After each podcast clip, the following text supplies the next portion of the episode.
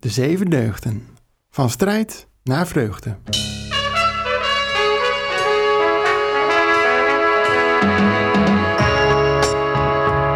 De zevende deugd, liefde.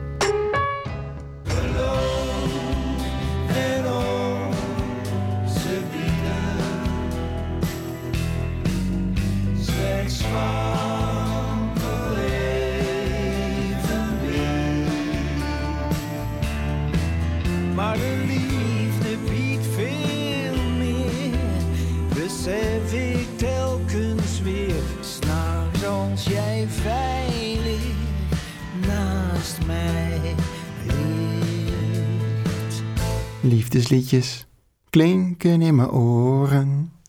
Zo ongeveer 80% van de liedjes gaat over de liefde. All you need is love, zongen de Beatles. Alles is liefde, zingt Bluff als titelnummer voor de gelijknamige film.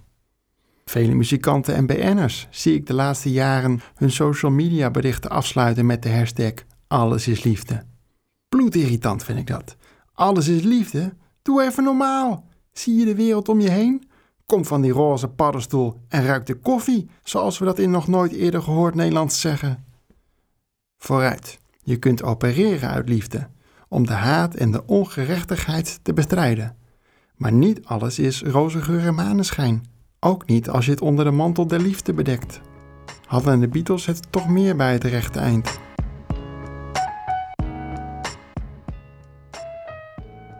Wie kent niet het gevoel alsof de wereld juist is opgehouden met draaien nadat je grote liefde het heeft uitgemaakt of wanneer een geliefde uit je leven is weggerukt? Zonder liefde vaart niemand wel. Toon Hermans omschrijft het treffend in een van zijn liederen. De meest wringende zin daaruit kwam aan het slot van de vorige podcast voorbij. Als de liefde niet bestond, geen appel zou meer rijpen, zoals eens in het paradijs. Daar zijn we weer, terug naar waar het allemaal begon, in het Hof van Ede. Zoals de wetenschap van de dood extra betekenis geeft aan de korte duur van ons bestaan, geeft de kennis van goed en kwaad, van onze zondes, extra veel betekenis aan de waarde van liefde in ons leven. Is dat zo? Wat is dan die liefde? In welke vormen biedt het zich aan? En hoe heb je lief? En waarom hebben we het er vaak zo moeilijk mee? Vooral als het om de nog onbekende ander gaat. Dus ja, de Platoonse liefde is, eh, is dus liefde voor het hogere. Begeerlijke liefde voor het hogere. God is niet los verkrijgbaar van de liefde tussen mensen. In deze laatste aflevering ontvangen we de hartverwarmende woorden van pastor Roseline Israël, auteur Arno Grunberg, rabbijn Tamara Benima, jezuïet Bastiaan van Rooyen, psychiater Damian Denis, oprichter van bierbrouwerij De Zeven Deugden Garmt Haakma en Plato-expert Emma Cohen de Lara. Laten we beginnen bij Plato. Liefde kwam niet voor in zijn deugdenlijstje. Maar hoe zit het dan bijvoorbeeld met die Platoonse liefde? Het Griekse vocabulaire was heel rijk. En je had ook meerdere woorden voor liefde. Dus omdat er ook meerdere vormen van liefde zijn. eh, als je erover nadenkt. En eh, nou ja, binnen de christelijke context is, is de naaste liefde. Of de caritas. Eh, en ja, beter misschien gezegd de schenkende liefde. Is natuurlijk eigenlijk het allerbelangrijkst. En dat is het Griekse woord is de agape. En dat woord zie je eh, ja, ik durf niet absoluut te zijn, maar je ziet het nauwelijks of niet in Plato. Dus, dus daar hebben we het niet over als we het over de Platoonse liefde hebben. Ehm, eh, wat je wel ziet, eh, een tweede begrip is de filia. En dat is eigenlijk de vriendschappelijke liefde. De, ja, als je een goede vriend hebt, dan, dan heb je een bepaalde liefde voor die vriend. Dat, had, dat had wel al een hele belangrijke rol in het klassieke denken. Uh, Aristoteles in de Ethica die wijte daar anderhalf, twee boeken aan. Dus het, had ook heel erg te maken met het goede leven en met het ethisch leven. Maar dat is ook weer niet wat we bedoelen als we het over de Platoonse liefde hebben. Uh, Plato gebruikt uh, daar vaak en ook in, in één specifieke dialoog, het symposium, uh, het woord, gebruikt hij het woord eros of eros. waar wij het woord ja, erotica van kennen. Dus, en dat is natuurlijk een vorm van liefde die, nou ja, eigenlijk weinig of niks te maken heeft met die schenkende liefde. En ook, ook, ook weer niet echt de liefde is tussen vrienden. Je, je begeert een goede vriend, ja, die begeer je niet. Zeker niet ja, seksueel. Dus uh, als het om de erotische liefde gaat, dan gaat het om een, ja, om, een begeerlijke liefde. Een, een, een, hele, het was voor Plato, zag dat als een hele krachtige uh, drijfveer in, in, in de menselijke ziel. De, de, erotische, ja, het erotische verlangen naar, nou ja, op bazaal niveau, fysiek niveau naar de ander. En dat kan vrouw of man zijn. En, en, in die, eh, die, die dialoog is het met name ook wel tussen mannen dat het uh, tot uiting komt. Omdat mannen nou eenmaal ook in zekere zin ja, als schoner en mooier werden gezien. Die echte mannelijkheid. Een mooie, als vrouw kan ik daar misschien nu beter... maar goed, die mooie mannelijke, mannelijke lichaam en dergelijke. Dus de, de eros uh, is gericht, ja, is de begeerlijke liefde... Uh, wat, wat op basaal niveau als, op een hele fysieke manier tot uiting kan komen. Echt die erotische liefde. En wat je ziet in die dialoog, het symposium, is dat eigenlijk gaandeweg die eros zich ook kan transformeren tot een begeerlijke liefde voor het hogere. En, en dan wordt die eros echt, krijgt een hele filosofische invulling. Dus ook de filosoof wordt gedreven door, door de eros, door de erotische, dat, die, die hele krachtige, begeerlijke liefde, maar ditmaal niet voor dat, dat lagere, basale, seksuele, uh, anderen. Maar ja, voor het hogere, uh, niet fysieke, uh, maar transcendente werkelijkheid. Dus de, de filosoof wordt, heeft niet alleen maar de filosofische interesse, maar ook echt die begeerlijke drijfveer om het goede te leren kennen. En dat is denk ik waar wij het woord de Platoonse liefde vandaan krijgen. Dus dat is een, een, een erotische liefde die niet, zou je kunnen zeggen, geconsumeerd wordt, omdat het niet gericht is op het fysieke. En omdat de filosoof ook het goede nooit helemaal kan bezitten. Maar dat, dat is eigenlijk eigen aan dat erotische, omdat je ook, ook als het om het fysieke gaat, je kan de ander ook nooit helemaal bezitten. Je kan hem wel begeren en er kan wel een soort van ja, seksuele eenheid uh, en daad plaatsvinden. Maar goed, dat, dat is mm, ja, na lange of korte termijn ook weer voorbij. Dus dat, dat echte bezitten komt er nooit van bij de erotische liefde. Dus ja, de Platoonse liefde is, uh, is dus liefde voor het hogere. Begeerlijke liefde voor het hogere. Dat is eigenlijk weer zo'n uh, retorisch trucje van Plato om uh, mensen duidelijk te maken wat hij bedoelt. Iedereen heeft het, snapt het van die begeerte. En,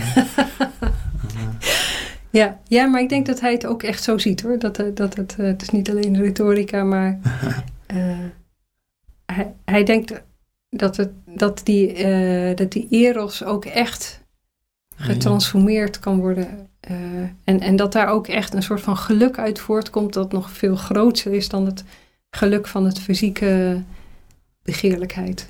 Ja.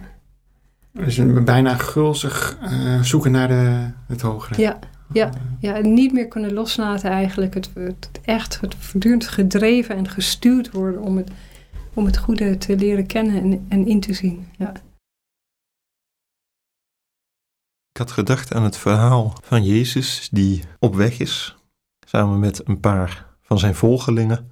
En dan komt er iemand naar hem toe en die valt voor hem op zijn knieën en zegt: Goede meester, wat moet ik doen om deel te krijgen aan het eeuwig leven?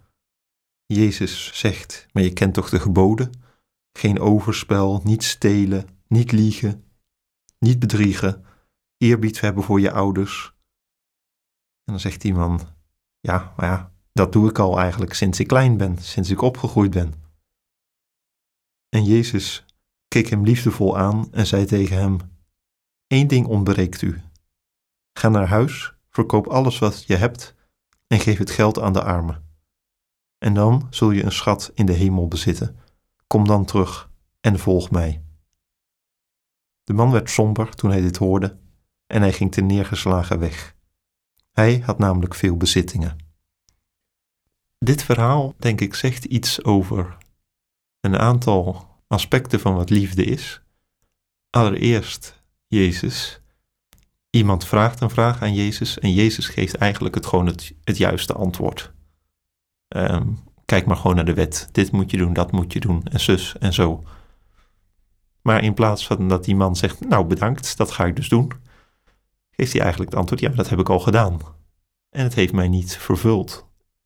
Dan denkt Jezus, ja, ik moet dus nog iets anders zeggen. En Jezus kijkt hem dan aan. En ik denk, dat is het moment van een ontmoeting. Eerst is het, dit is de regel, dit is de wet. En dan begint Jezus ook diegene lief te hebben, hem aan te kijken en te denken, ja, er wordt meer van mij verwacht. En dat is denk ik wel het, misschien het belangrijke aspect allereerst van liefde. Dus liefde is natuurlijk een relatie, een relatie tussen mensen, waarbij je gezien wordt door de ander. Dat je zelf ook iemand ziet, maar vooral ook dat je gezien wordt door de ander. En iets van die passie daarvan, iets van die persoonlijke relatie. Ja, ik wil gezien worden, ik wil geliefd zijn door die ander. En dat is denk ik overtreft dan toch wel inderdaad veel van andere emoties. Liefde is toch niet voor niks een van de sterkste emoties die we kennen. En ik denk dat dat in dit verhaal zit. Jezus die ziet er is meer nodig en die begint zich ook persoonlijk om te bekommeren. Want hij vraagt meer van die, jong, van die jonge man dan alleen maar de geboden te onderhouden. Hij zegt: ga eerst eens alles opruimen wat je in de weg staat. Hou maar op bezig te zijn met je carrière. Hou maar op met veel geld te verzamelen. Hou maar op veel waarde te hechten aan dit en dat. Laat dat allemaal maar eens even achter je en volg mij na. Maak er een persoonlijke relatie van. Het gaat er niet meer om, ik doe mijn best, ik doe het goed, ik lieg niet, maar het gaat erom, volg die ander na. Het gaat er niet meer om dat jij het goed doet. Het gaat er niet meer om gered te worden. Het gaat erom, volg ik die ander na? Ben ik geconcentreerd op die ander? En ik denk dat dat echt in het christendom de liefde is. Het geconcentreerd raken op die ander. Maar je draait buiten jezelf naar die ander toe. Ik denk dat liefde heel belangrijk is, heel essentieel. Het is het meest uh, intieme contact dat mensen kunnen hebben. Voor mij, ik, ik, denk dat het onmogelijk is om zonder liefde te leven. Dat, dat, is een soort van ultieme waardering wat je krijgt van een ander en je nodig hebt om, om een leven te kunnen leiden. En als dat wederzijds uh, groeit tussen mensen, ja, dat, dat is denk ik een van de mooiste dingen. Dus als je geliefd kan worden door een ander en een ander kan liefhebben, ja, dit is een geweldig geschenk. Dus dat is denk ik een van de mooiste dingen. Dus ik, het is, ja, dat is denk ik een van de, ja, de reden waarom we leven. En heel uh, mooi en uh, ook in ieder geval binnen de christelijke context wel bekend lied uh, van de gemeenschap van Tezee is Ubi Caritas. Dus Ubi Caritas et amor est Deus ibi est. Hè, dus daar waar naast de liefde is, daar waar liefde is tussen mensen, daar is God. Ja, ik vind het gewoon heel erg mooi om, om dat uh, te zien, om daarvan getuige te mogen zijn. Dat past ook denk ik heel erg bij, bij de christelijke traditie, dat je die dingen dus nooit los kunt zien. God is niet los verkrijgbaar van de liefde tussen mensen. Dat is een uh, onopgeefbare uh, combinatie. Ja, en hoe kun je die opvangen door jezelf in het diepe te gooien? Hoe, hoe, hoe werkt zoiets? Nou, door die confrontatie met mezelf aan te gaan en door die verstilling die daar in ieder geval voor mij voor nodig is uh, op te zoeken. En daarin uh, me ook te richten op uh, wat daar van God in mij aanwezig is. word ik ook geïnspireerd en gemotiveerd om me tot de ander te gaan verhouden. En ook God dan ook in die ander te zoeken. Wat ik daar wel een mooi voorbeeld van vind, is dat uh, in de traditie van sommige kloosters wordt gezegd: hè, als we gasten ontvangen, dan ontvangen we Christus zelf. Of we zetten de deur dus open, want je weet maar nooit. Hè? Zonder het te weten kun je Christus zelf uh, herbergen. Nou, dat vind ik een mooi beeld voor uh, waarom het goed en mooi is om uh, in je leven de deur voor anderen open te houden. Ja, want je zei net een mooi woord, herbergen. Dat komt van harbor, ook haven. Hè? Weer zo'n uh, zeilterm. Uh, dus eigenlijk, ja, een veilige haven bieden is ook een veilige haven bieden aan, aan jezelf. Als je van de ander houdt, dan hou je van jezelf. Ik denk dat het niet voor niets is dat uh, Jezus het grootste gebod noemt. Hè? Dus, dus God liefhebben en de ander liefhebben als jezelf. Daar zit, ja, zeg maar, die, die cruciale driehoek van uh, ik, God en de ander natuurlijk uh, ja, helemaal in. Ja, nee, maar denk je dat het belangrijk is om de ander goed te kunnen helpen dat je jezelf eerst kent, of gaat dat samen op? Ik weet niet of het uh, helemaal in een uh, systematische volgordelijkheid zit. Hè? Dat ik eerst geconfronteerd moet kunnen worden met mezelf, dan God ontdek en dan me vervolgens tot de ander kan uh, verhouden. Ik denk dat het een, hoe noemen ze dat ook weer met een mooi woord, een iteratief proces is. Dus dat gaat, dat gaat op en neer en is in beweging. Maar in elk geval kan het, niet zonder, uh, kan het niet zonder elkaar. En zal de beweging tot het een ook altijd de beweging tot het ander, tot de ander uh, in gang zetten. Niemand sterft aan liefde, wat houdt mij daar op de been? Niemand sterft aan liefde, maar aan alles eromheen.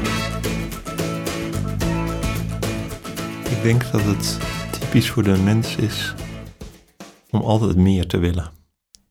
En ik denk dat dat een, een doodlopende weg is. In die zin vind ik een oproep om meer te kopen ook.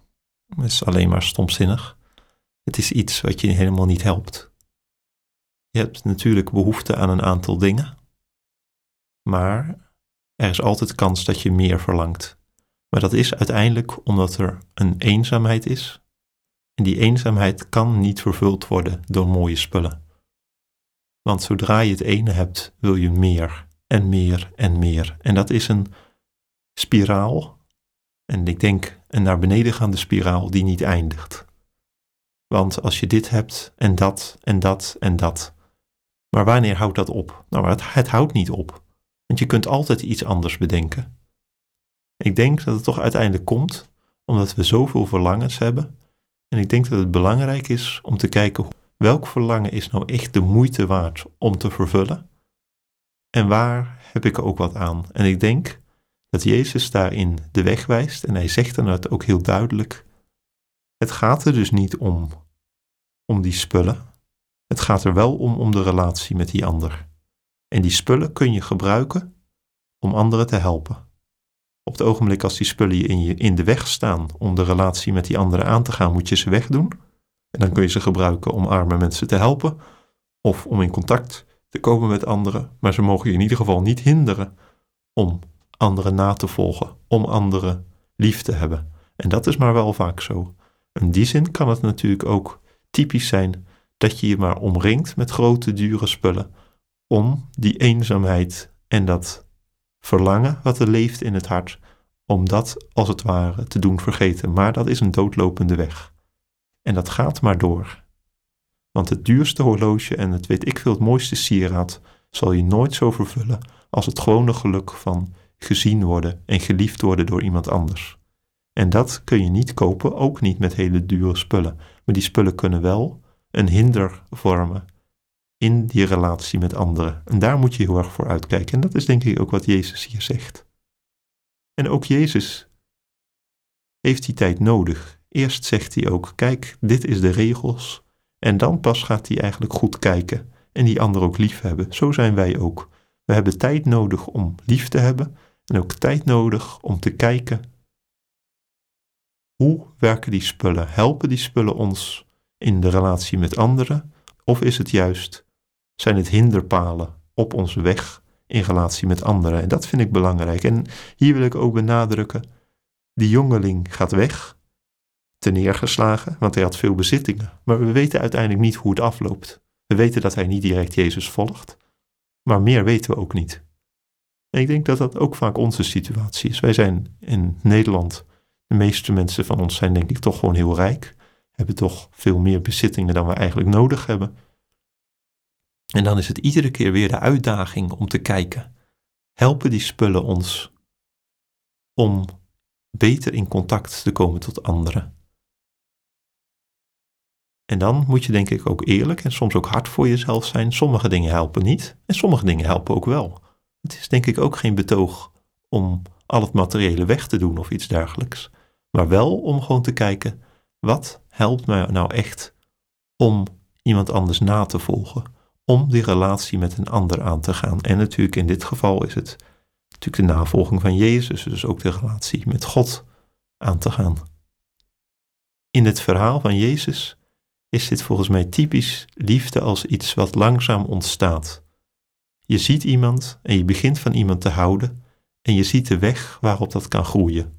Ik denk dat dat ook wel een uitnodiging is. Groeien in de liefde. En in die zin, liefde is natuurlijk een soort alles overheersende passie.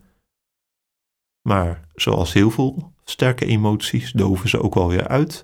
Maar hoe zorg je ervoor dat liefde ook stand houdt? Nou, en ik denk dat dit een beetje een weg is. Gewoon kijken naar die ander, op zoek gaan naar wat helpt wel en wat helpt niet in zo'n relatie. Ja, er zit natuurlijk heel veel onmacht in veel van mijn hoofdpersonages. Ik denk het allemaal.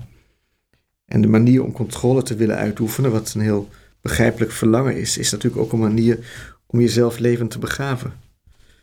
Ik denk dat ze niet altijd genoeg gematigd waren in hun behoefte aan controle. Maar ik denk ook dat hun vermogen, dus het, de wil of hun verlangen om lief te hebben en hun verlangen om te beschermen, voor zover bescherming hetzelfde is als liefde, kan natuurlijk ook leiden tot, tot verstikking en tot gruwelijkheden. Dus de liefde is, is nooit alleen een positieve kracht. Misschien is dat ook wat ik tegen de interpretatie heb van geloof, hoop en liefde, dat het als zo'n toverformule wordt gezien, terwijl het eigenlijk een heel gevaarlijke formule is. Het wordt eigenlijk teruggebracht tot een soort geurkaars en candlelight. Terwijl het eigenlijk een, een potentiële, eh, ook een handgranaat is. De liefde is ook een handgranaat die tot ontploffing kan worden gebracht. Die je bij iemand naar binnen werpt. En... Maar dat komt omdat je dan misschien iets onmogelijks verlangt van de ander. Of eh, wat, wat, is de hand? Nou ja, de liefde, zit, de liefde is misschien iets onmogelijks verlangen van jezelf en van de ander. Als dat niet zo zou zijn, ja, ik bedoel, de liefde, het liefde is natuurlijk meer dan alleen de verzorgende kant. Dat is de makkelijkste kant, denk ik. Daarom is natuurlijk de liefde voor een huisdier zoveel makkelijker dan voor een mens. Ja. Er zit iets in de liefde dat, dat, dat je van jezelf en van de ander vraagt, dat eigenlijk te veel gevraagd is. Maar eerder hadden we het al, al over genade. Dat is ook een beetje, zou je ook kunnen ervaren in de liefde door het loslaten van de, uh, de projectie van je eigen verlangens op de ander, hoe die zou moeten zijn. Um, is dat ook iets wat je moet leren of kunt leren? Of? of je projecties kan loslaten op de ander. Of je los dat je die projecties niet meer, dat je de ander niet meer, dat je niet meer je eigen verlangens op die ander projecteert, je eigen fantasie, maar dat je die ander echt ziet. Ja, precies. Ja, dat is, dat is heel moeilijk. Dat is ongelooflijk moeilijk. Maar daar kan je wel naar streven. Het is ook een vorm van rechtvaardigheid. Maar het is heel lastig. En je hebt natuurlijk ook die fantasie en die projecties nodig om, om te leven. En ook om. Het is een motor. Dus je moet de ander kunnen zien zonder de motor van jouw eigen leven, van jouw eigen energie, je eigen energiebron. Het is ook een zon. De fantasie is ook een zon die je nodig hebt. Maar net als de zon zelf ook iets waar je ontzettend kan branden.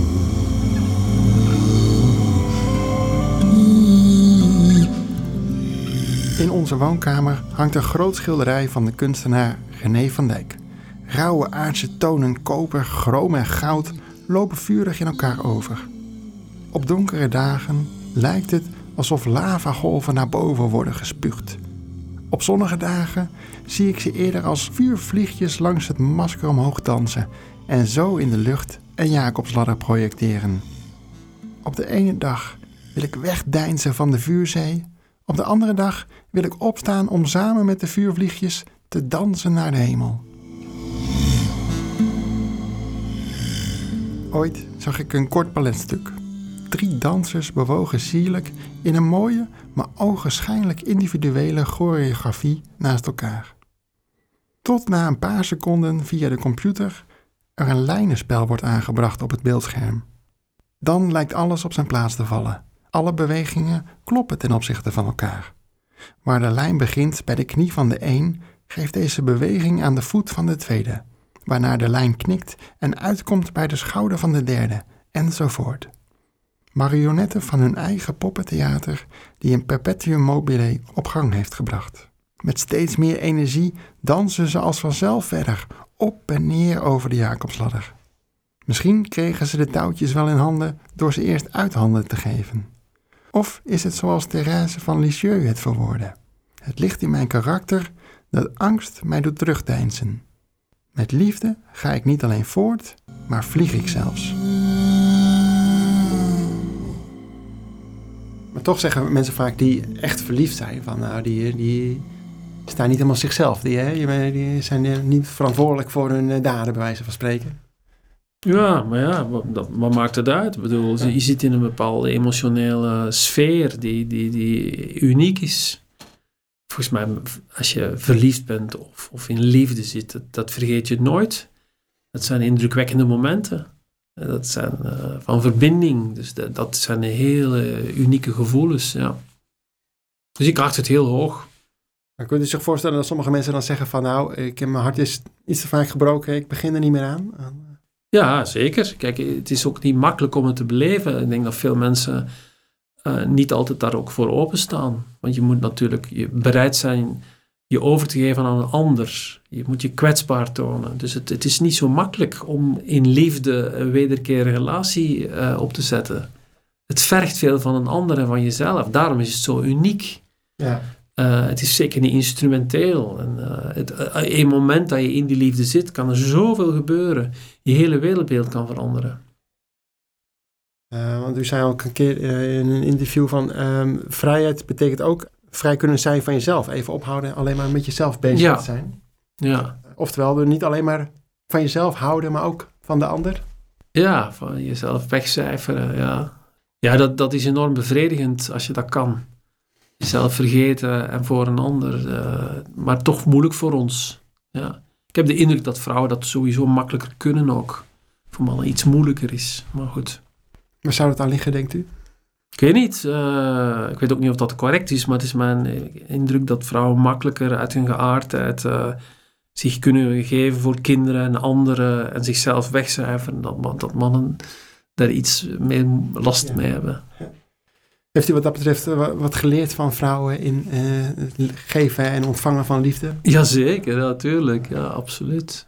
Ik denk dat zij uh, ons wel uh, daarin kunnen blijven leren. Ja, niet allemaal natuurlijk, maar dat, daar zijn, ik vind in, in de lichamelijkheid, in de affectie, in dat contact, kunnen wij heel veel leren. Ja, laat ik mij gemakkelijk met liefde leiden door een vrouw. ja. Eigenlijk is volgens een deugd is het woord caritas, dat is echt naaste liefde, ook hou, ja. hou van de ander. Moest ik denken aan, um, als je in uh, Afrika een gemiddeld kind vraagt van wat wil je worden, dan is het meestal uh, dokter, anderen helpen. Als jij in Nederland aan een kind vraagt, uh, dan is het meest gegeven antwoord influencer. Ja, ja, ja. Is het ook makkelijker om aan anderen te denken, juist als je weinig hebt? Um, ja, misschien wel. Misschien worden wij verblind door onze bezittingen en het is een, een, rare speling van het lot dat hoe meer mensen hebben, hoe minder genegen zijn ze te geven. En dat hoe minder mensen hebben, makkelijker ze kunnen delen. Dat is vreemd, maar dat is wel een, een denk ik een, een wet die geldt ja, onder mensen. Ja. Een stuk van al die dingen is heel, is heel organisch. Maar er zit natuurlijk ook een beleving bij die heel essentieel is. Valt dat te stimuleren, te leren, te, ik denk het wel. Dat kan, valt zeker te leren. Dat is denk ik iets ook wat we aan onze kinderen moeten leren om uh, aan anderen te geven. Om het genot te ervaren van dingen te delen. En dat misschien initieel pijn doet, maar dat je achteraf veel voor terugkrijgt. Dus dat, dat, dat gaat niet van nature. Dat moet je leren. Ja, en dat is heel belangrijk, denk ik. Ja. Wie gaf u uh, de laatste keer de meeste blijk van liefde die u uh, vreugde heeft verschaft? Ja, er zijn mensen in mijn omgeving die dat doen. Maar ik, heb geluk dat ik wel omringd word uh, door mijn kinderen, mijn moeder, mensen die mij lief hebben gewoon. Uh, mijn partners die van me houden en die uh, ondanks alles mij een waarheid voorhouden, dingen met me delen. Dat, dat, dat is het eigenlijk gewoon. Niet, niet één specifiek persoon, maar het is gewoon een familiale context van vrienden van, en ja, de omgeving waarin ik zit, die bereid zijn om dat te doen. Dat is voor, voor mij uh, naaste liefde. Ja. Ik denk elke liefde begint met een fantasie over de liefde. En daarna komt de werkelijkheid. Dan kijk je in hoeverre de fantasie de werkelijkheid overleeft en hoe lang. Maar het begint altijd met een fantasie. Nee, dat zei Charles Manson ook. Hè? Het begon als een fantasie en toen werd het werkelijkheid. Ja, het kan natuurlijk. Nee, ik zei het al, het is, het is zeer gevaarlijk. Ik bedoel, ja, maar dat, dat is natuurlijk het mooie aan uh, een roman, is dat de destructieve effecten van hou je binnen de perken. Nou ja, ik, heb, ik kan ook, het stond onlangs in trouw ook een stuk van iemand die mij wees op de potentieel gevaarlijke kanten van het beginnen van een eigen uiteindelijk ook een commune. Mm. Hoe ironisch ik dat ook bedoelde. Dus er zit altijd, er zit aan elk project zit een gevaar en Zeker aan. aan uh, het is goed dat je het zo in mensen erbij houdt. Ja, er zit ook, daarom gaat een deel van mijn romans gaat natuurlijk ook over het, het geweld dat gepaard gaat met de liefde. En, Mensen zijn in hun liefdesverlangen natuurlijk ook, kunnen zo gekwetst zijn dat ze gewelddadig worden. Ja, is het dan beter als dat gecontroleerd gebeurt? Of? Het is beter als mensen. Daar geldt het natuurlijk in het algemeen, maar dat is wel jammer voor de films en de romans. Maar het geldt als mensen hun eigen prikkels, hun eigen behoeftes, hun eigen frustraties iets beter in de greep hebben, iets beter kunnen controleren. Dat ze hun paarden, als dat hun paarden zijn, dat het geen wilde paarden zijn, maar net iets gedresseerdere paarden die gewoon soms wel in galop gaan, maar toch binnen, binnen de grenzen van de weg blijven draven. De emoties zijn natuurlijk toch een soort paarden. Ik denk dat je. Peter Sloterdijk heeft het gezegd, filosoof. Het is niet zozeer dat mensen emoties hebben. Emoties hebben mensen. Er zijn bepaalde emoties en die maken zich meester van mensen, wat ik een mooi beeld vind. Maar de liefde, ja. Nee, ik denk dat de liefde is natuurlijk. We hebben een veel te rooskleurig beeld van de liefde. Tegelijkertijd is het het wezenlijke verlangen natuurlijk van iedereen. Om geliefd te worden en geaccepteerd rooskleurig omdat wij niet die explosieve kant van... Uh... Ja, omdat we niet de explosieve kant ervan zien. Of willen zien eigenlijk. Denk je dat het wel mogelijk is om uh, te groeien naar een symbiotische liefde? Ik denk dat het mogelijk is te groeien naar een constellatie waar iedereen goed in kan leven. En dat betekent misschien soms uh, op handen dreigende explosies uh, goed te kunnen. Dat betekent, ja, dat betekent dat je weet waar je prioriteiten liggen, uiteindelijk. Dat betekent dat je die explosies ziet, dat je ze herkent, dat je er misschien ook, dat je ze niet per definitie uit de weg gaat, maar dat je toch weet waar je prioriteiten liggen. Nou ja, dat je ook denkt van, soms als je een kind hebt samen, is dat kind misschien belangrijker dan de relatie aan zich, zeker als het een klein kind is. Dat je weet wat er beschermd moet worden. En symbiotisch, dat, nee, dat, dat klinkt mij te veel. Alsof er toch een soort eencellig wezen ontstaat uit twee cellen. Dat klinkt mij te, is mij te platonisch. maar ik denk wel dat, uh, dat het verleden wat je deelt met iemand natuurlijk niet alleen maar last hoeft te zijn, maar ook een enorme bron van inspiratie kan zijn eigenlijk om samen het verleden verder te laten groeien en het contact niet af te breken. Omdat je denkt, oh dit, we hebben zo'n rijk verleden al. Dat is natuurlijk ook een, met zoveel herinneringen kun je samen putten. Nou, zo ontwikkel je ook samen een taal, denk ik, en samen een, hele wereld die, die het mogelijk maakt om verder, verder op wat voor manier dan ook te leven. Ik ben niet symbiotisch, klinkt me nogmaals, dat is mij bijna, dat is mij bijna te idealistisch. Maar ja. ik denk niet dat je, je hoeft niet, alleen te, je hoeft niet op die manier alleen te sterven. Zonder... Dat zou ook weer fatalistisch kunnen uitpakken als je daarnaar streeft. Hè? Nee, maar ik weet niet. Nee, maar, maar ik denk ook niet dat je dan moet streven dat je uit angst voor, oh god, straks sterf ik alleen, laat ik nu maar genoegen nemen met, met dit. Dat vind ik ook een heel, dat denk ik ook een heel wat treurig, treurig uitgangspunt. Doe me denken aan een liedje van Hans Theeuwen. Eh, Benny en Giselle hebben altijd ruzie, altijd mot, altijd strijd. Maar ze kunnen niet zonder elkaar leven. Uh, nee, dat, ja, dat is natuurlijk het, ja, dat is ook een, dat oude, het oude gezegde van niet zonder elkaar, niet met elkaar. Ja. Dat is, uh, misschien, is dat, misschien is dat wel de, de hoogst mogelijke symbiose die mensen kunnen, kunnen bereiken. Ik weet het niet. Ik Nou, denk dat het voor iedereen echt heel verschillend ligt. Voor iedereen dat er niet een algemene wet geldt. In ieder geval in jouw boek De Mensheid zij geprezen laat je de, de, de advocaat van de mensheid zeggen van um, liefde is thuiskomen. Ja, dat is natuurlijk, dat is, ja, daar gaat eigenlijk mijn nieuwe roman ook ten dele over. Dat het idee dat het, ik denk dat voor veel mensen dat zo wel zouden willen zien. Dat het een, dat het thuiskomen is, dat je ergens thuis komt.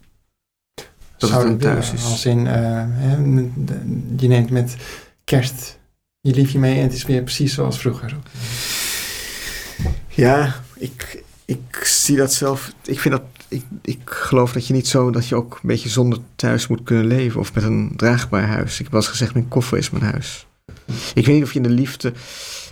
Walter Benjamin, die al een paar keer voorbij is gekomen, heeft ook gezegd: sommige mensen zoeken in, het, in de liefde inderdaad een, een heimat, een thuis. maar anderen zoeken in de liefde het eeuwige reizen. Dus je kunt ook.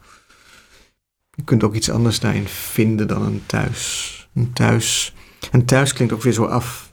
Thuis is zo definitief. Dit is het huis. Dit is mijn adres. Ik zou die flexibiliteit toch open houden. Dat voor mij, ik hou wel van iets meer lucht.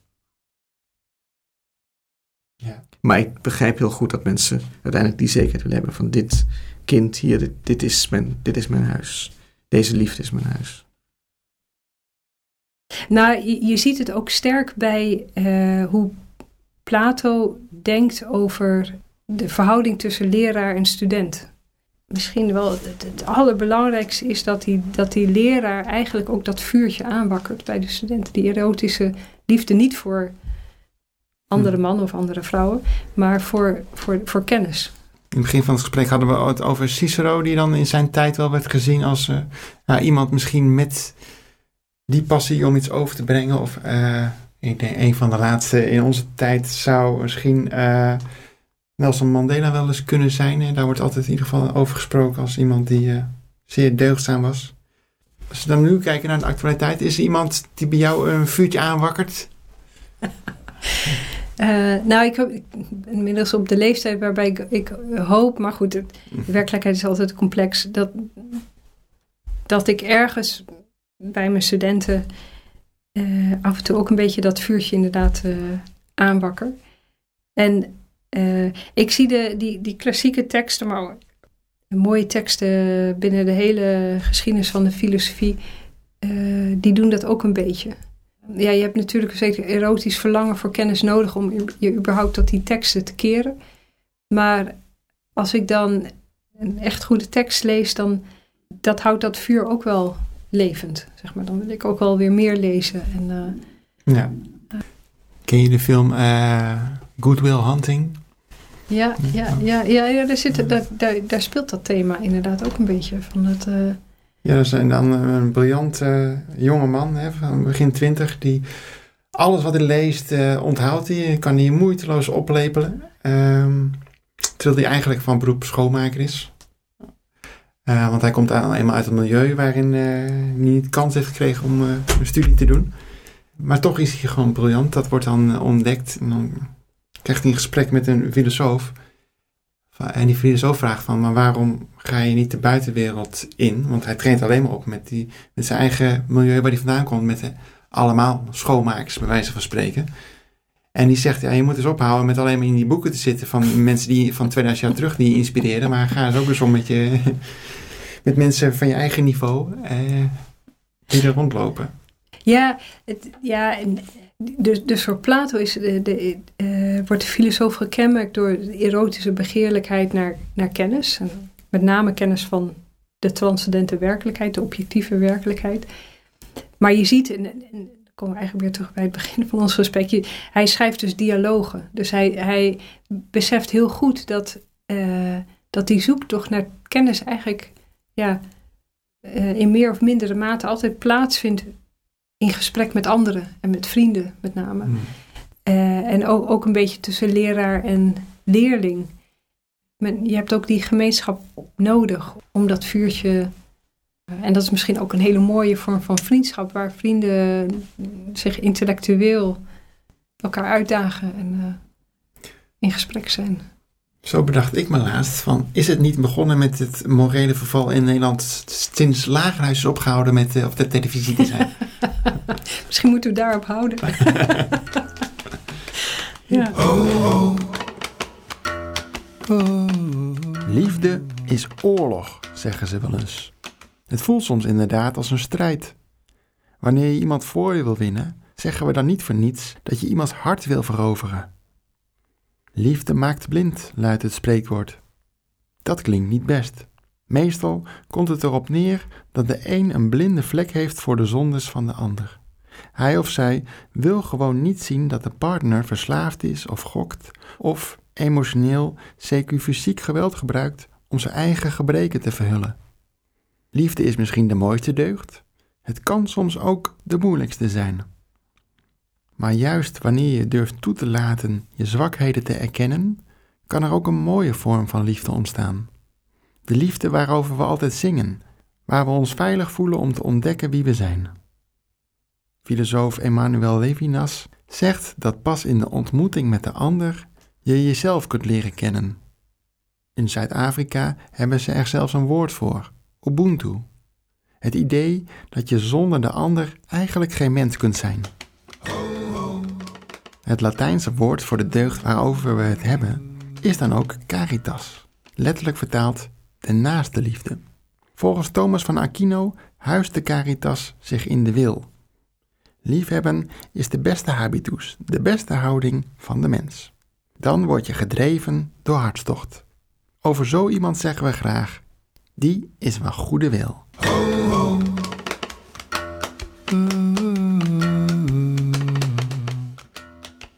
Wat, wat zou u wensen wat, wat de religie door kan stralen naar de mensheid om nu in deze situatie? Gemeenschap. Gemeenschap en, en de mensen opvoeden tot eh, matige, moedige, wijze mensen. Ja, Ja, want- de, de, de, de norm stellen en zeggen van... Nee, de mens is niet de norm en je kunt niet al je normen en waarden puur uit jezelf halen. Dat is gewoon uiteindelijk egocentrisch gedrag, egocentrisch denken. Je moet het als gemeenschap met elkaar uitzien te vogelen. En er is, er is wel degelijk een, waarheid die voorbij gaat aan, ja, aan wat mensen bij elkaar kunnen uitvogelen. Maar gemeenschap is dus over, overduidelijk niet wat totalitaire staten willen uitdragen van dit is Nee, zoals een... nee, helemaal niet. Nee, nee ik, ik, ik, ik maak me onwaarschijnlijk veel zorgen over het kuddegedrag wat nu eh, wereldwijd wordt vertoond. Het is echt niet normaal gewoon. En iedere tegenstem die wordt ge- gecanceld of eh, gedemoniseerd. Of mensen zeggen net als in Nazi-Duitsland, eh, ja, na, na Nazi daar was het van, oh we hebben het niet geweten. En als ik nu gewoon zeg van, ja maar jongens dit en dit en dit, dan zeggen ze, ja nee maar het is te moeilijk. Ik denk van, nee niks te moeilijk, je wil het gewoon niet weten. Hetzelfde gedrag, ja de regering, nee de regering kan niet mis- misdadig zijn. Ik vind dat ze misdadig mis- beleid voeren. Nee, want ze bedoelen het goed. Ik denk van, ja... En iemand die dronken achter het stuur gaat zitten, die, eh, die, die heeft ook niet de intentie om eh, iemand dood te rijden. Maar op het moment dat hij iemand doodrijdt, is hij toch een crimineel. Spijt me heel erg. Ga je ook niet zeggen van ja, maar hij bedoelde het niet zo.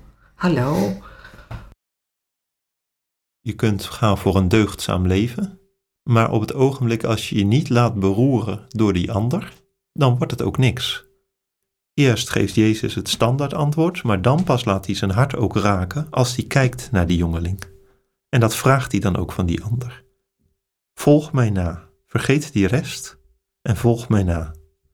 En dat is denk ik precies waar de grote moeilijkheid in onze tijd ligt. Je kunt best een heel verstandige mening hebben over de immigratiepolitiek en zeggen zus en zo over de corona, over dit en dat. Maar op het ogenblik als je niet die ander in het gezicht kijkt, als je niet laat raken door het lijden van anderen, dan is er geen liefde. En dan kun je nog zo verstandig zijn, dan kun je nog zulke goede meningen hebben, maar dan heb je niet lief. En dat betekent ook dat je jezelf niet lager plaatst dan die ander. En dan gaat er iets fundamenteel niet goed. En dan ontstaat er altijd de mogelijkheid om anderen uit te sluiten, ook op basis van hele goede argumenten. Als er niet iets van het irrationele van het liefhebben van die ander aanwezig is, dan ontbreekt er iets in de, in de menselijke relatie. En dat ontstaat denk ik toch pas op het ogenblik als er ook, ja, als er kennis is, als je iemand kent.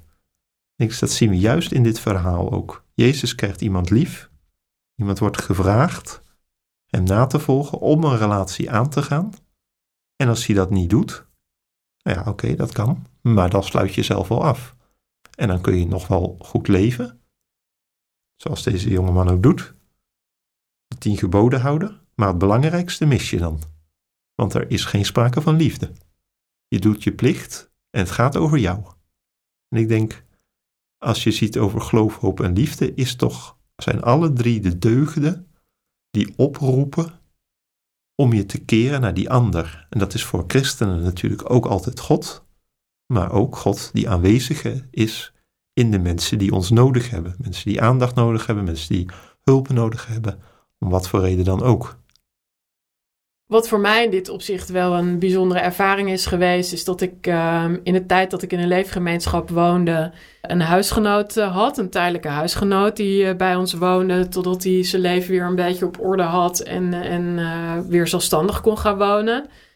Was een man die kampte met ernstige verslavingsproblematiek. Zijn vrouw had hem daardoor verlaten en had geen contact meer met zijn volwassen kinderen. En hij was uh, bij tijd en wijle echt een heel moeizame huisgenoot voor mij.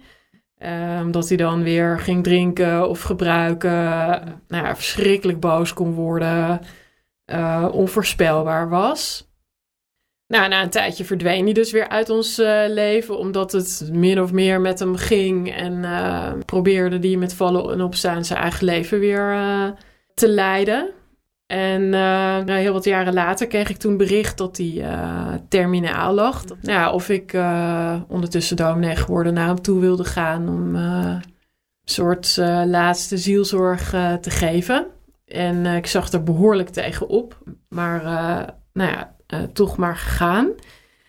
En aan zijn sterfbed ja, liepen we dus zijn leven langs en, en wat daarin niet goed was gegaan. Hij had inderdaad, tot zijn dood heeft hij geen contact meer met zijn kinderen gehad. Daar hadden we het met elkaar over hoe ingewikkeld en pijnlijk dat was.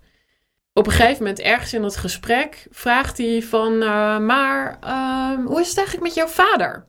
dus probeer je voor te stellen iemand die uh, door, door de kanker totaal eh, is geveld, afgepeigerd, uitgemergeld man daar, daar in dat bed. En, en die krijgt het dus met zijn laatste krachten nog voor elkaar om met mij te vragen hoe het eigenlijk met mijn vader gaat. En hij had altijd op een of andere manier een enorme klik met mijn vader, met wie ik bij tijd en wijle een enorm ingewikkelde band heb. En hij vraagt hoe het met mijn vader gaat. En dat raakte me enorm. Uh, want daar ging opeens iets op en neer. En daar ben ik dus niet alleen maar iets voor een ander aan het betekenen, maar betekent iemand anders opeens ook heel veel voor mij. Waar komt het vandaan, denk je, dat gevoel dat dit meer biedt dan uh, een baan met veel geld, zonder dat je met iedereen rekening houdt? Dat ligt heel erg in wie ik ben, uh, denk ik, en mijn drijfveren. Uh, misschien ook wel iets in hoe mensen zijn. En mensen leven niet bij brood alleen, maar ook bij de waardering en de vriendschap en de contacten die ze hebben de waardering die ze krijgen. Ik krijg, doordat ik dit gestart ben, veel meer waar, echte waardering dan wanneer ik een, baan uh, voor uh, eh, 5000 euro per maand had uh, gehad. Waar je wordt gewaardeerd in de vorm van geld, maar voor de rest wordt afgestraft op het moment dat je één misstap maakt. Ja, ja precies. Dus je had wat dat betreft wel kortdurend geluk kunnen kopen Maar nu Mhm. krijg je misschien langdurend geluk. Nou ja, en dan is de vraag, wat, wat voor geluk was dat dan? Ja. Ja. Als je nou ontzettend van auto's kan genieten, dan kan je heel gelukkig rondrijden. ja, in een hele dikke auto. Ja, inderdaad. Ja. Ja. Ja. de vraag is dan of er nog een leuk iemand naast je zit. Nou, inderdaad. En, ehm, en als je, eh, waar ga je met die auto heen dan? Hè? Je kunt rondjes rijden. maar ja, waar kom je dan? En waar gaat het nu voor jou heen met de brouwerij? Nou, eh, eh, eh, kijk, je kunt zeggen van... we hebben een sociaal doel en, en dat is, staat bovenaan. Maar je kunt niet, en dat is ook zo... maar je kunt niet zonder omzet banen creëren. Dus, en we groeien op dit ogenblik. En dat is goed. We moeten nog verder groeien. Ehm, en dat is ook goed. En tegelijkertijd proberen we de menselijke maat erin te houden. Eh, en nog meer mensen hier aan de brouwerij te verbinden, zodat we samen met al die mensen gewoon de taken en de klussen kunnen doen die nodig zijn om de tent draaiende te houden. Eh, dus waar gaat het heen? Het gaat naar schaalvergroting, het gaat naar een stukje efficiëntie en verzakelijking, zonder dat we de mensen die hier eh, komen werken uit het oog raken, eh, eh, eh, eh, kwijtraken. En eh, zonder dat we van mensen dingen gaan vragen die ze niet kunnen. Want dat blijft uitgangspunt. We vragen de mensen te doen wat ze kunnen. En daar blij van te worden. En als ze niet blij van worden, dan gun ik ze van harte dat ze ergens anders dingen gaan doen die ze kunnen waar ze wel blij van worden. Heb je wat dat betreft eh, contacten met andere organisaties die dingen aanbieden? Mm, Niet heel veel. Eh, ook omdat heel weinig mensen hier vandaan willen.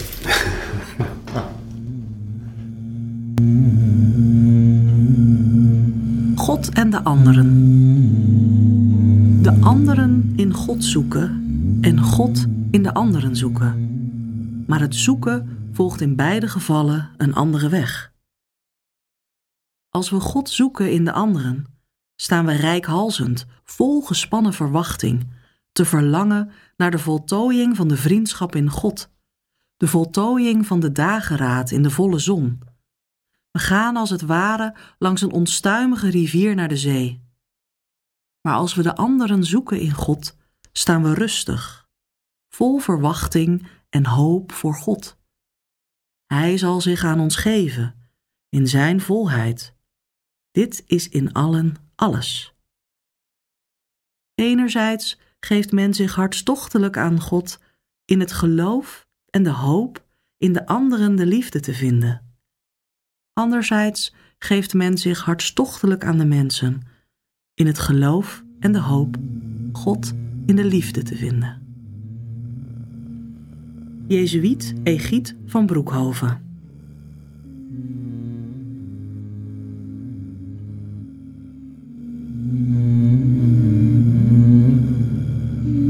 waar denk jij dat als we nou nog eh tenslotte kijken naar eh, breder dan onszelf eh, en ons, in dit geval wij als Nederland, waar het aan schot dat, dat wij heel veel moeite hebben om anderen te huisvesten, een herberg te zijn?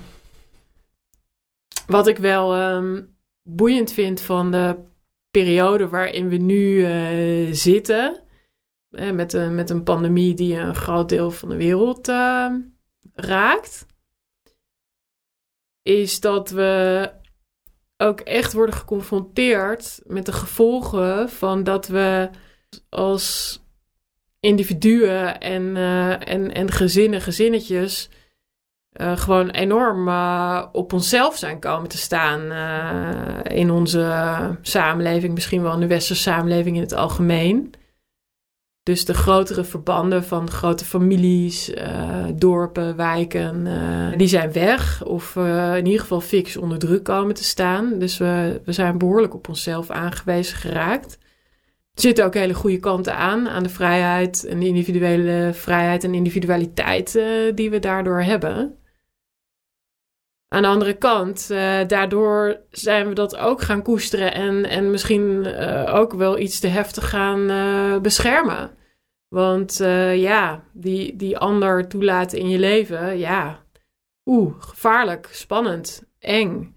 Begrijpen we elkaar wel? Spreken we nog wel dezelfde taal?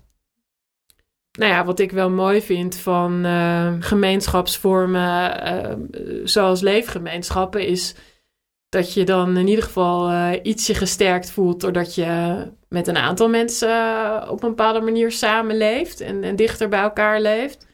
Waardoor je vervolgens ook weer makkelijker de deur openzet voor mensen die je helemaal niet kent. Ik bedoel, ik ben zelf met mijn gezin ook echt wel een voorbeeld van Hè, wat ze dan uh, in de sociologische literatuur noemen de nuclear family. Hè, die kleine gezinseenheid, ja, die ook koestering en bescherming verdient. Ik, ik ben niet zo dapper hoor, dat ik zomaar mensen in mijn huis opneem. Ik weet dat er andere mensen zijn die dat wel doen. Daar kijk ik echt met bewondering naar, want ik, ik vind dat veel te eng. En mij helpt het dan enorm door in wat meer nabijheid met anderen te leven, dat je dat een beetje samen kunt doen nou ja, als ik zie dus wat dat met mij en mijn leven en mijn kijk op het leven doet, ja, dan durf ik wel een beetje te stellen dat dat, dat ook best goed zou zijn als dat wat vaker zou gebeuren, ja. Dus je denkt ook dat het een beetje een proces is, zo. Uh... Ja, ik denk dat de uitdagingen van onze tijd ook wel echt vragen om opnieuw verbindingen te leggen tussen mensen. En het verheugt me ook wel dat je daar ook wel echt vormen van ziet dus niet alleen uh, binnen, de, binnen het christelijke wereldje, maar ook, ook wel echt daarbuiten. Zie je echt wel meer initiatieven ontstaan om uh, te werken aan verbinding en grotere gemeenschappelijkheid. Um, in het wonen, in het delen van wat je hebt, in het opkomen voor uh, nou ja, een rechtvaardiger samenleving of uh, een verbeterd klimaat. Um, ja, zie ik wel tekenen van het verlangen dat er bij mensen is om uh, verder te kijken en grotere verantwoordelijkheid uh, te nemen dan die uh, voor je eigen leven alleen. En ook, ook gewoon vanuit individualistische motieven hoor. Want wat is er mis mee als jij er ook zelf beter van wordt?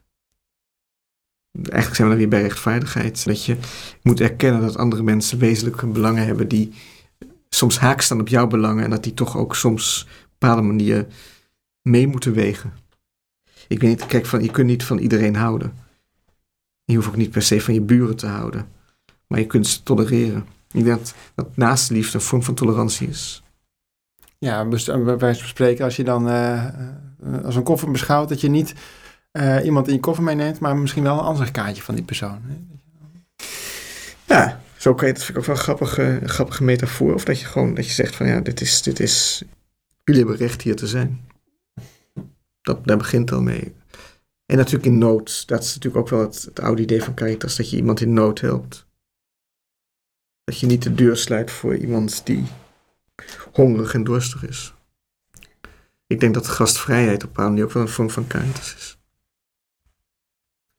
Uh, hoe, denk, hoe, denk, je dat het komt dat de mensheid dat dan toch steeds weer leert en afleert. Of althans uh, mensen, andere mensen toelaat en decennia later weer Ja, omdat ik denk dat mensen altijd, dat elke groepsidentiteit weer, mensen, elke groepsidentiteit sluit ook weer andere identiteiten uit. Dus elk ideaal creëert, weer nieuwe vijandbeelden, elke identiteit creëert weer tegenidentiteiten. Elke uh, groep heeft weer andere groepen nodig om zich tegen af te zetten. Dus je hebt altijd weer buitenstaanders, vreemdelingen die buitengesloten dienen te worden of te blijven. Ik denk dat dat, dat is een proces dat, dat altijd zo zal blijven doorgaan. Ik zie er weinig hoop in dat dat stopt, maar ik kan het wel proberen om het minder politiek te maken of om het proberen om het af te zwakken. Maar ik, ben, ik denk niet dat we opeens in een wereld leven waar we nog maar één mensheid bestaat. Dat is een fantasie, denk ik, die niet zal plaatsvinden. De vraag is hoe je met, met de ander, met de vijand, met de tegenpartij, met degene die niet is zoals jij omgaat. En of je ook erkent dat hij een plekje, de recht heeft op een plekje onder de zon. Dat is de vraag. Maar liefde, eh, dat is, dat is dus iets heel anders dan wat wij zouden verstaan onder naastliefde of liefde. Want je hoeft niet, ik denk dat je het helemaal niet om gaat dat je van die mensen houdt. Maar dat je hun het leven niet onmogelijk maakt, is al een enorme stap voorwaarts. Liefde bestaat er in vele vormen. De vriendschappelijke liefde, de schenkende liefde, de begeerlijke, de platoonse, De eros kan zich ook transformeren tot het hogere, niet-fysieke, transcendente. Een begeerlijke drijfveer om het goede te leren kennen. Het is zo erotisch omdat je het nooit zult bezitten. Liefde is een relatie waarbij je gezien wordt door de ander. Een verlangen gekend te worden en de ander te kennen. Dat vraagt niet alleen om verbondenheid, maar ook op een geconcentreerdheid. Volg ik de ander na? Het is waardering krijgen en geven wat nodig is om een leven te kunnen leiden. In de christelijke traditie hebben we het er dan over dat waar liefde is, God aanwezig is. Als je een gast ontvangt, doe dat dan eens in de gedachte dat het Jezus is. In wezen ontvangen we God zelf. Ik, God en de ander, het is een onlosmakelijke driehoek. Jezelf vervuld voelen gaat niet middels spullen. Het is een rare speling van het lot dat hoe meer de mens heeft, hoe moeilijker die kan delen. Oké, spullen kunnen van nut zijn. Je kunt een voetbal kopen om samen met je vrienden een mooie tijd te beleven. Je kunt je geld gebruiken om anderen in nood bij te staan. Liefde is een passie, maar wil je de liefde gestand houden, moet je er wel voor werken. De liefde is niet enkel roze geur en maneschijn. Het kan functioneren als een handgranaat. Je kunt je eraan branden. Vooral wanneer je je eigen wensen en fantasieën op de ander projecteert. Sommige mensen worden er gewelddadig van. Je overgeven aan de ander is daarom verre van gemakkelijk. Dat vergt veel, maar daarom is het ook zo uniek. Emoties kunnen zich meester van je maken. Ook in de liefde helpt het om je eigen prikkels, behoeftes en frustraties te kunnen controleren. Je paarden dresseren. Het mooie van het delen van jouw frustraties, van je zwakke kanten, is dat je samen een wereld schept. Jannes Ra vertelde in haar laatste show een mooie Japanse anekdote dat verwerkt zit in haar lied Goudlijm. Wanneer je jouw gebroken relatie lijmt, als een stuk gevallen bord, kan het volgens de Japanners uiteindelijk zo uitpakken dat de lijm tussen de breuklijnen de gouden randjes vormen die je relatie extra glans geven. Liefde is niet alleen een groeiende verbintenis tussen twee mensen, het is tevens de verbondenheid met elkaar. Het is wat de Zuid-Afrikanen noemen Ubuntu. Wat niet betekent dat je met iedereen een intieme band moet opbouwen. Je vijand een plekje op deze aardbol gunnen is ook een vorm van liefde.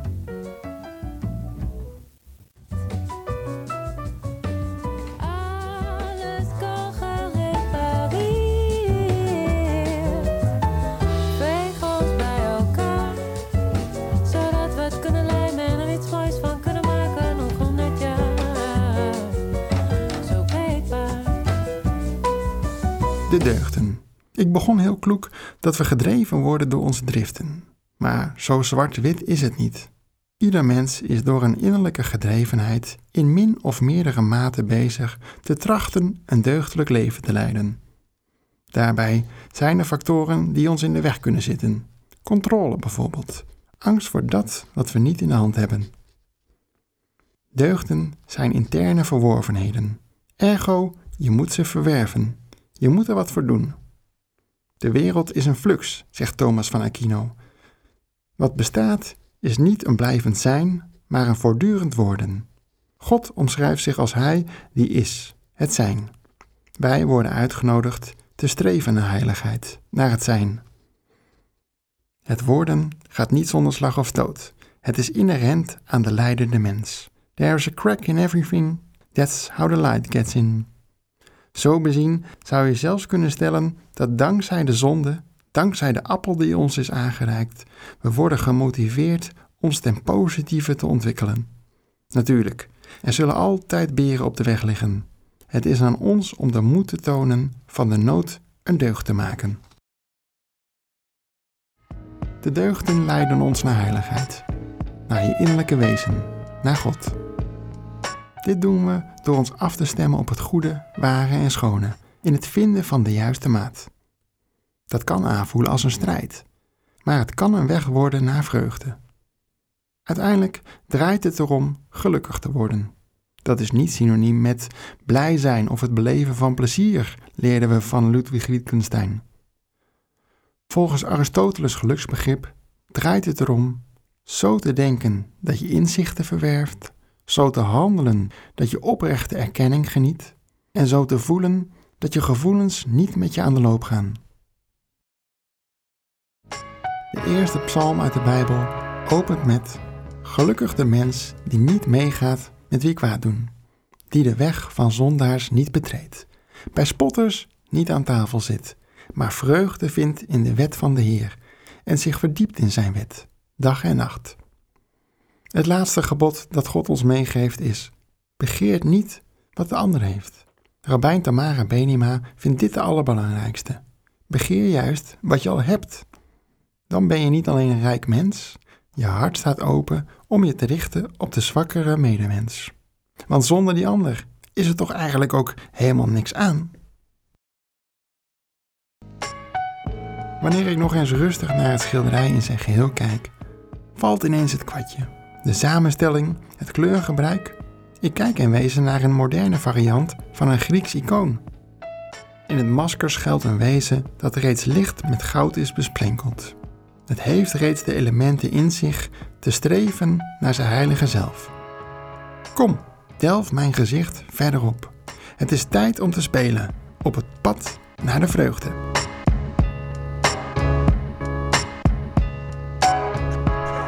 Je luisterde naar de podcastserie Van Strijd naar Vreugde, ontwikkeld door Guido Attema. Ik wil alle gasten die je voorbij hoorden komen hartelijk danken. Roseline Israël, Emma Cohen de Lara, Tamara Benima, Bastiaan van Rooyen, Damian Denis, Arno Grunberg, Garmt Haakma. Heel veel dank voor het delen van jullie expertise en gedachten. Ik heb veel van jullie geleerd. Tevens dank aan Jezuïet Ben Vrie voor de voorgesprekken en de kritische vragen. Ook dank aan Marita van Driel voor alle hulp tijdens het productieproces. Ten slotte heel veel dank aan mijn lieve vrouw, die met geduld me een jaar lang liet ploeteren in de avonduren en me zo vaak wilde aanhoren. Ik ben misschien inmiddels een deugdicus theoreticus. Jij laat me zien hoe je de deugden praktiseert. Dankjewel, liefste.